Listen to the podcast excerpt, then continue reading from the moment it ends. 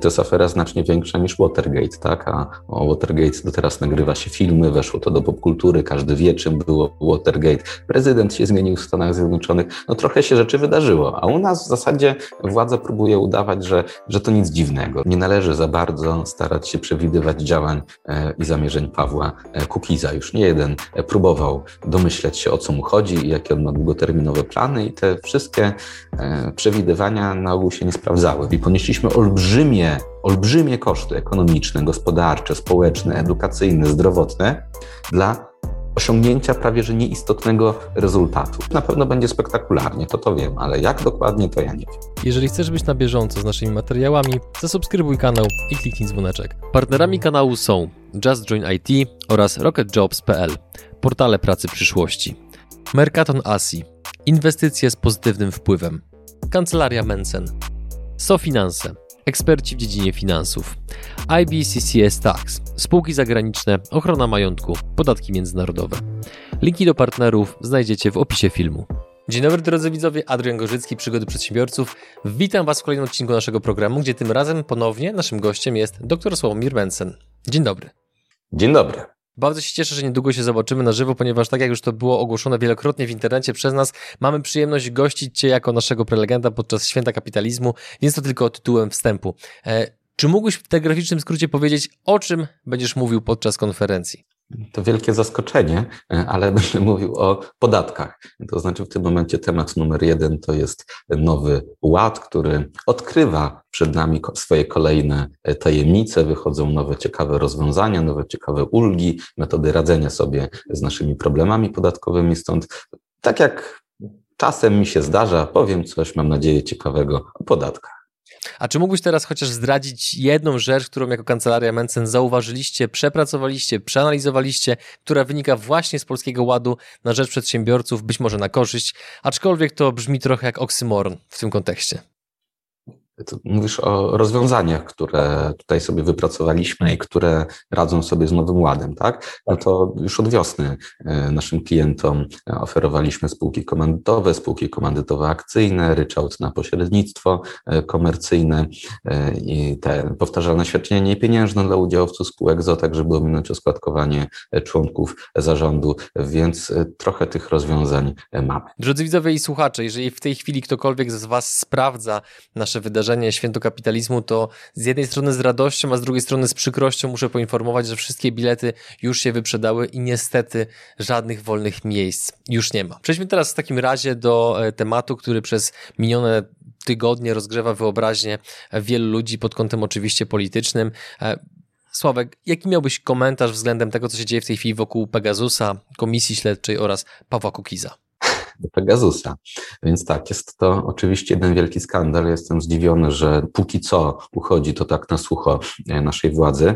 To jest afera znacznie większa niż Watergate, tak? A o Watergate do teraz nagrywa się filmy, weszło to do popkultury, każdy wie, czym było Watergate. Prezydent się zmienił w Stanach Zjednoczonych. No trochę się rzeczy wydarzyło, a u nas w zasadzie władza próbuje udawać, że, że to nic dziwnego, że kupili nie wiadomo czy legalnie, oprogramowanie szpiegowskie, e, które miało dostęp nie tylko do czyichś rozmów telefonicznych czy SMS-ów, ale tam można było włączyć mikrofon, można było włączyć kamerę, mieć dostęp do maila, do wszystkiego, co się dzieje na czyimś telefonie. Jest to radykalne naruszenie czyjejś prywatności, bo wyobraźmy sobie, że ten telefon leży, nie wiem, w łazience, przy łóżku, w sypialni. No jest mnóstwo rzeczy, kiedy y, robimy czynności, których naprawdę nie chcemy, żeby ktoś nas w tym czasie nagrywał czy podsłuchiwał, tym bardziej ktoś z tego rządu, tak? Oni to robili. I tłumaczenie było takie, że okej, okay, kupujemy Pegasusa, żeby śledzić tych największych zbrodniarzy, przestępców, zorganizowane grupy przestępcze, takich porządnych bandziorów. I to jest państwo nasze wreszcie staje z kolan, robi się trochę mniej z papieru i będzie miało sprzęt do śledzenia przestępców. Po czym się okazuje, że tymi najgroźniejszymi w Polsce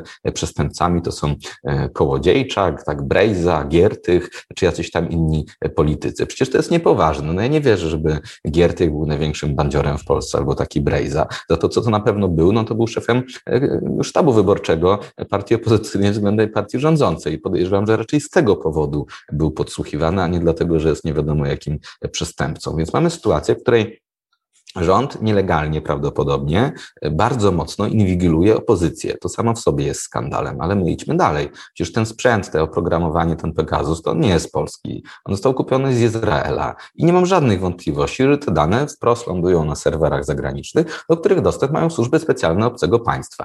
To jest coś w rodzaju, nie wiem, szpiegostwa, zdrady, no bo inwigilujemy sami naszych polityków i ten materiał przekazujemy obcym zagranicznym służbom specjalnym. Wyobraźmy sobie, że tam wszystko jest w porządku ci ludzie nie robili nic kompromitującego, no to pół biedy, ale jeżeli coś tam się wydarzyło, to, to okazuje się, że nasze służby dostarczają obcym służbom haków na naszych polityków, a jeżeli ci politycy dojdą do władzy, to zagraniczne służby będą miały na nich haki. To w wyniku działań przedstawicieli naszego państwa. No to się absolutnie tak nie można działać, tak? Jeżeli ktoś za to nie pójdzie do więzienia, to znaczy, że my naprawdę jesteśmy jakimś państwem z papieru.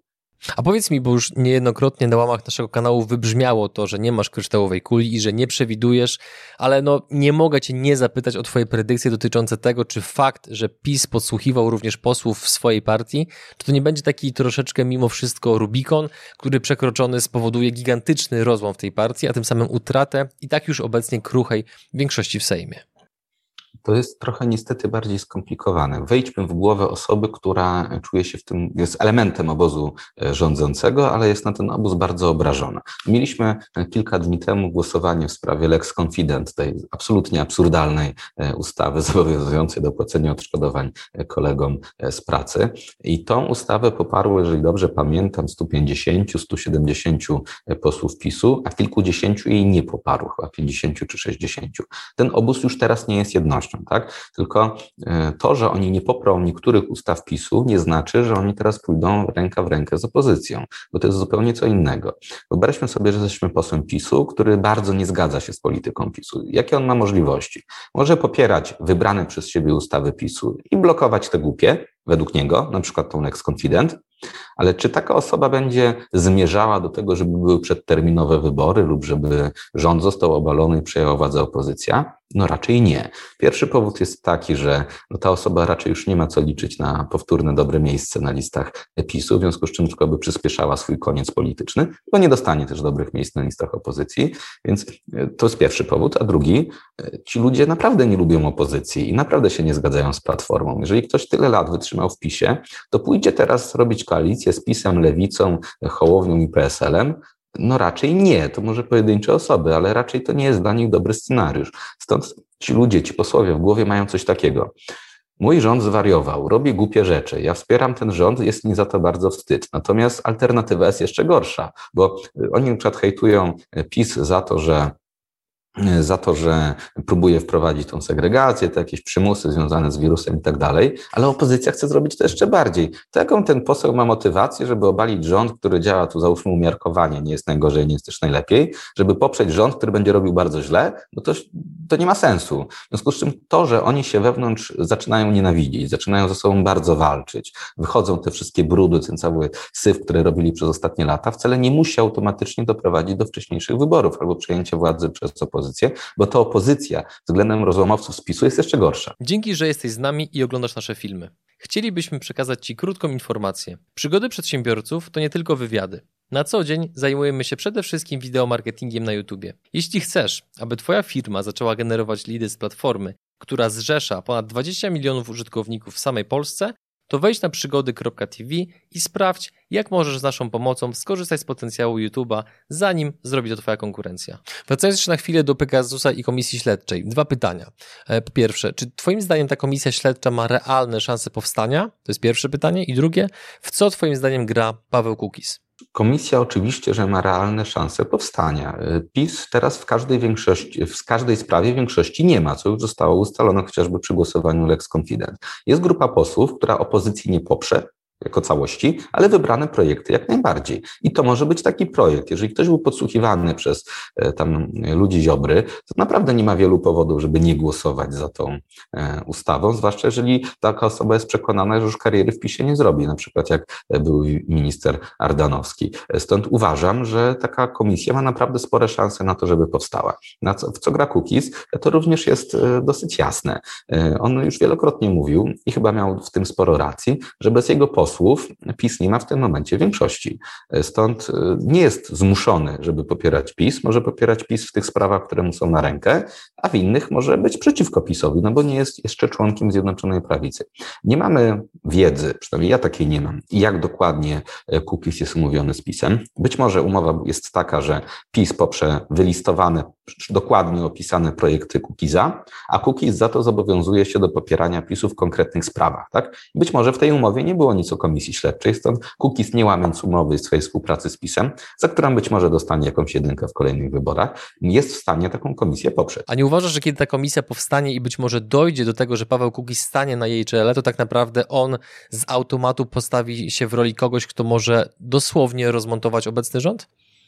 To znaczy, nie chciałbym, żeby to źle zabrzmiało, ale wydaje mi się, że nie należy za bardzo starać się przewidywać działań e, i zamierzeń Pawła e, Kukiza. Już nie jeden próbował domyśleć się, o co mu chodzi i jakie on ma długoterminowe plany, i te wszystkie e, przewidywania na ogół się nie sprawdzały, ponieważ on robił rzeczy kompletnie przez nikogo niespodziewane. Stąd raczej nie mam tutaj przewidywań, co się może wydarzyć. Na pewno będzie spektakularnie, to to wiem, ale jak dokładnie, to ja nie wiem. Przygotowując się właśnie do tego odcinka z Tobą, to wielokrotnie trafiłem na taką opinię w internecie, oczywiście opisaną różnymi słowami, że Paweł Kukiz jest tak nieprzewidywalny w swoich działaniach, że po prostu totalnie nie ma w tym wszystkim jakiejś większej logiki, strategii, planu. Tylko jest to pewnego rodzaju taki roller coaster. Więc zobaczymy, co się wydarzy w najbliższym czasie. Idąc dalej, wspomniałeś już o tym, ale chciałbym ten temat lekko pogłębić. Co Twoim zdaniem miała na celu ustawa Lex Kaczyński? Przecież niemożliwym jest, że pan Kaczyński nie wiedział wcześniej, że nie będzie miał większości i że ta ustawa upadnie. Wiele osób to właśnie opisywało w internecie, zresztą na Twitterze szczególnie mocno, że jest to taki troszeczkę symbol pokazujący, że być może właśnie Zjednoczona Prawica się kończy. Mówiłem o tym i pisałem jeszcze zanim doszło do głosowania, że według mnie sprawa jest następująca. E, PiS jest w takiej sytuacji. Z jednej strony nie może nie może przegłosować tych swoich rozwiązań, tego przymusu, tej segregacji, tych paszportów, e, dlatego że nie ma do tego większości we własnym klubie musiałby się posiłkować opozycją.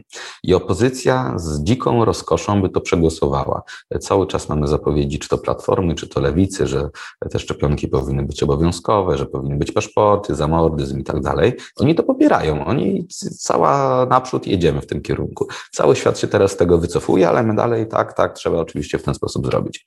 I w PiSie też jest mnóstwo ludzi, którzy chcieliby to tak przeprowadzić. Tylko, że jeżeli oni to zrobią razem z opozycją, to wtedy tych 20 mniej więcej posłów PiSu po prostu wyjdzie z tego klubu i będą wcześniejsze wybory. Bo oni mogą nie poprzeć jednej ustawy.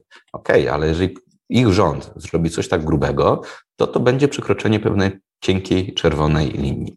Z drugiej, więc Przegłosowanie tej ustawy razem z opozycją może rozwalić cały rząd. Jest to duże ryzyko.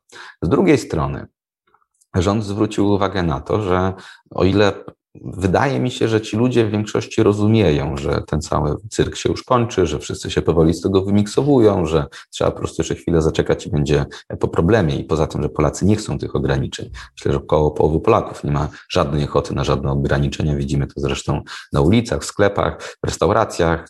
Nie przyjęły się u nas ograniczenia. Nawet te, które zostały wprowadzone, się po prostu nie przyjęły. Kelnerzy chodzą bez masek, ludzie chodzą bez masek, żadnych limitów nie ma, każdy na to gdzieś. I bardzo dobrze.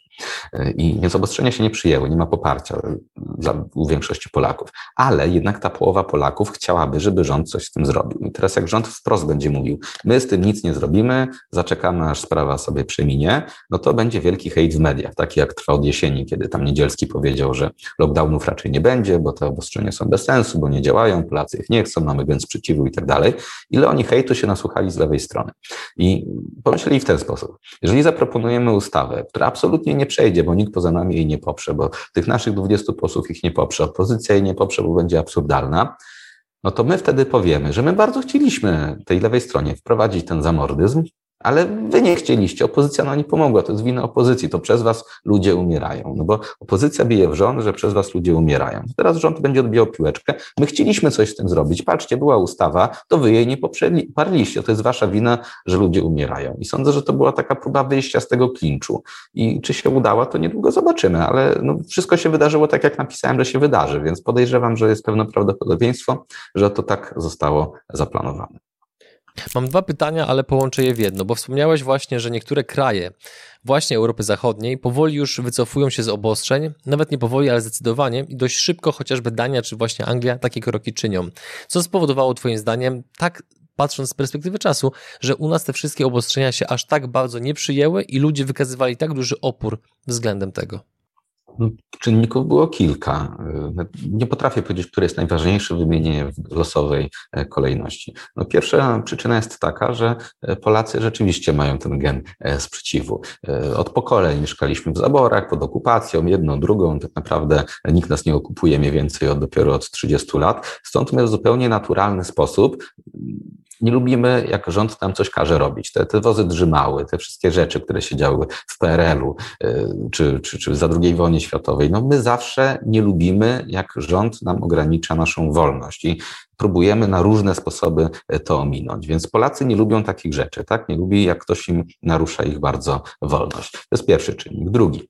E, Polacy mają też to do siebie, że jak ktoś nam próbuje ograniczyć naszą wolność, to my nie idziemy z nim na twardo, e, tylko próbujemy to jakoś ominąć. Czyli na przykład nie robimy, jak ktoś chciałby drzymale zabronić postawienia domu, to drzymała się nie wysadzi, nie pójdzie, nie zamorduje miejscowego polityka, tylko postawi wóz drzymały i będzie próbował próbował obchodzić te e, przepisy. I u nas było dokładnie to samo. W tych poprzednich lockdownach przecież te hotele zamieniały się w przechowalnie nard, w restauracjach testowało się jedzenie, u fryzjera było się e, modelem. Najróżniejsze rzeczy ludziom do głowy przychodziły, co zrobić, żeby ominąć te obostrzenia i jeszcze być w prawie, więc to nam trochę pomagało. To znaczy na Zachodzie, jak wprowadzało się twarde przepisy, to potem te państwa zachodnie te przepisy respektowały i tam ludzie dostawali mandaty e, i szło tak grubo. A w Polsce wprowadzono obostrzenia, a ludzie za bardzo się nimi nie przejmowali, bo wiedzieli, że jakoś się tam sobie ominą i rzeczywiście znajdowali metodę, żeby je ominąć.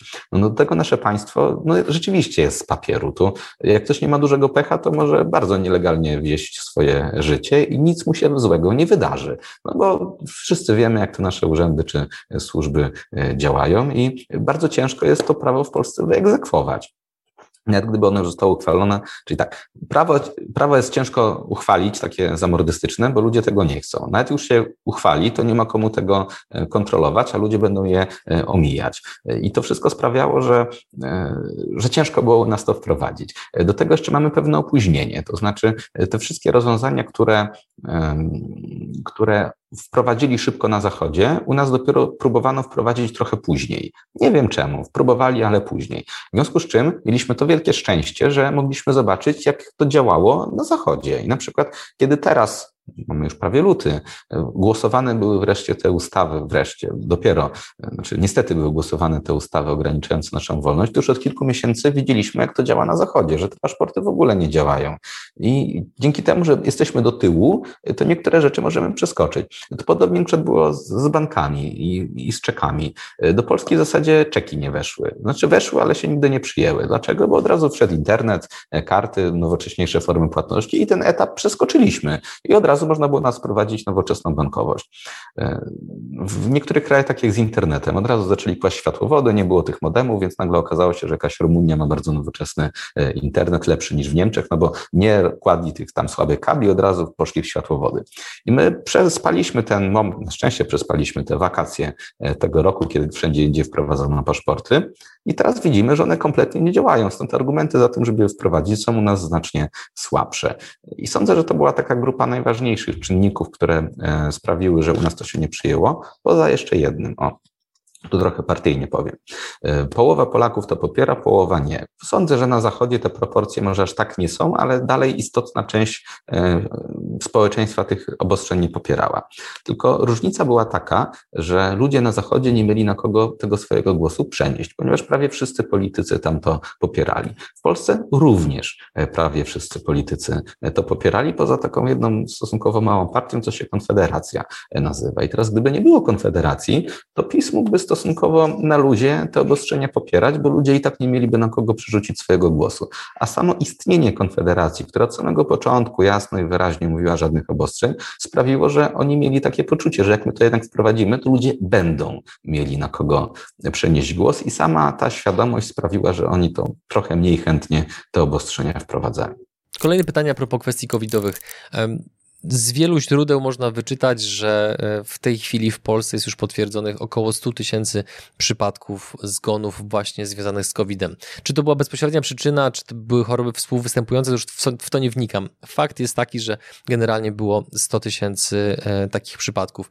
Jakbyś zderzył tę liczbę z tym, z informacją, która, którą również można znaleźć w oficjalnych danych, że co roku w Polsce 170 tysięcy ludzi umiera z powodu chorób nowotworowych? No bo mamy wirusa celebrytę, który kumuluje na sobie całą uwagę mediów oraz polityków. Codziennie rano są informacje, ile osób to zachorowało, ile leży w szpitalu, ale tylko na jedną chorobę, ile osób zmarło, a cała reszta stała się kompletnie nieistotna. Przez te dwa lata umarło w Polsce około miliona osób, tak? Milion osób. Według tych naszych danych na tego wirusa umarło 100 tysięcy, ale gdyby to liczyć tak jak Niemcy, to znaczy, że jeżeli mamy kogoś z zaawansowanym rakiem, który trafi do szpitala i zaraz umrze, jeszcze po drodze zarazi się COVID-em, to w Niemczech jest traktowany nie jako zgon e, covidowy, a u nas tak, to gdyby policzyć to po niemiecku, to byłoby 24 tysiące osób, tak? 2,4% zgonów z ostatnich dwóch lat. I te 2,4% zgonów, ewentualnie licząc po polsku 10% zgonów, skoncentrowało całą swoją uwagę i cały wysiłek systemu ochrony zdrowia. W wyniku czego wszystko inne zostało zaniedbane i zaciągnęliśmy olbrzymi dług zdrowotny, który będziemy spłacać w kolejnych latach. To znaczy będą umierać ludzie, którzy nie zdiagnozowali właśnie sobie nowotworu, albo bali się pójść na badanie, żeby się czymś nie zarazić, bo zostali przestraszeni przez polityków i przez media, albo w ogóle szpital odmówił e, badań, czy też zabiegów planowych, czy zmniejszył swoją dostępność, czy cokolwiek innego złego się wydarzyło. I Podejrzewam, to jeszcze za lata ocenimy, ale podejrzewam, że walka z tym wirusem przyniesie znacznie więcej zgonów niż sam wirus. Już teraz są badania pokazujące, że lockdown zmniejszył śmiertelność o 0,2%, śmiertelność na wirusa o 0,2%, w zasadzie niezauważalnie. Czyli ponieśliśmy olbrzymie, olbrzymie koszty ekonomiczne, gospodarcze, społeczne, edukacyjne, zdrowotne dla osiągnięcia prawie że nieistotnego rezultatu. I już to widać coraz bardziej, nie tylko w Polsce, ale na Zachodzie, w wielu badaniach naukowych, podsumowaniach, że ta świadomość zaczyna do coraz większej liczby ludzi docierać i to tylko ułatwia zdejmowanie tych obostrzeń na Zachodzie, ale myślę, że ta prawda jeszcze się przebije i ludzie, którzy do tego doprowadzili, może osądzeni pewnie nie będą, ale historia ich z tego, co zrobili, rozliczy. Przejdźmy teraz zatem do akcentu, który wydaje się pozytywny i przez wiele osób tak jest na pewno postrzegany, aczkolwiek właściciele stacji paliw będących zaraz przy granicy z Polską w Niemczech raczej szczęśliwi nie są. Niskie ceny paliw. Jakiś komentarz do tego? Znaczy, zależy, co rozumiemy przez niskie. Jeszcze pamiętam, jak tam benzyna to 3 zł z hakiem e, kosztowała, więc to, że teraz jest 5 zł z hakiem, to tak nisko wcale nie jest. No, udało się wreszcie zrobić coś, o czym mówiliśmy od dawna, to znaczy obniżyć e, podatki i opłaty, e, które stanowią gro ceny benzyny. Jest to bardzo dobra wiadomość. Niestety oficjalnie jest to tylko przejściowe. I teraz pytanie, jak rozumieć to, że to jest e, przejściowe? No bo jak podnosili VAT do 23 3% tam na 3 lata, jeżeli dobrze pamiętam, to już chyba ponad 10 lat ten VAT jest podniesiony, więc miejmy, jest jakaś szansa, nitka, nutka nadziei, że być może to też będzie trwało dłużej niż pół roku, chociaż szanse są oczywiście znacznie mniejsze.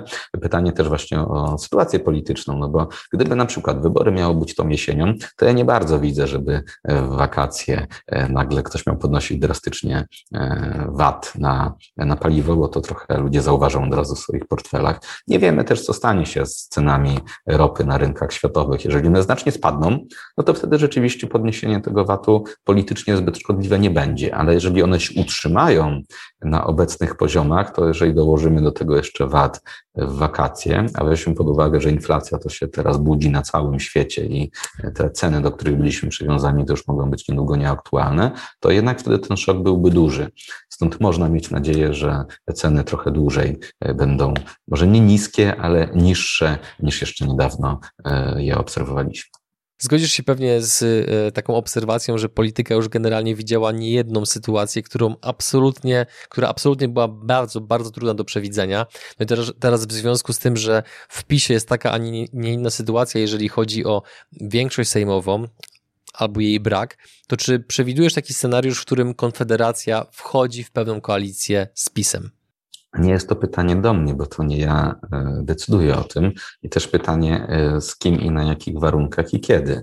To mniejsze znaczenie jest z kim, a ważniejsze na jakich warunkach, bo jeżeli warunki są nasze, to kto nas popiera, to kompletnie mi nie robi żadnej różnicy, kto by nasze ustawy przegłosowywał, czy to ludzie z lewa, czy z prawa.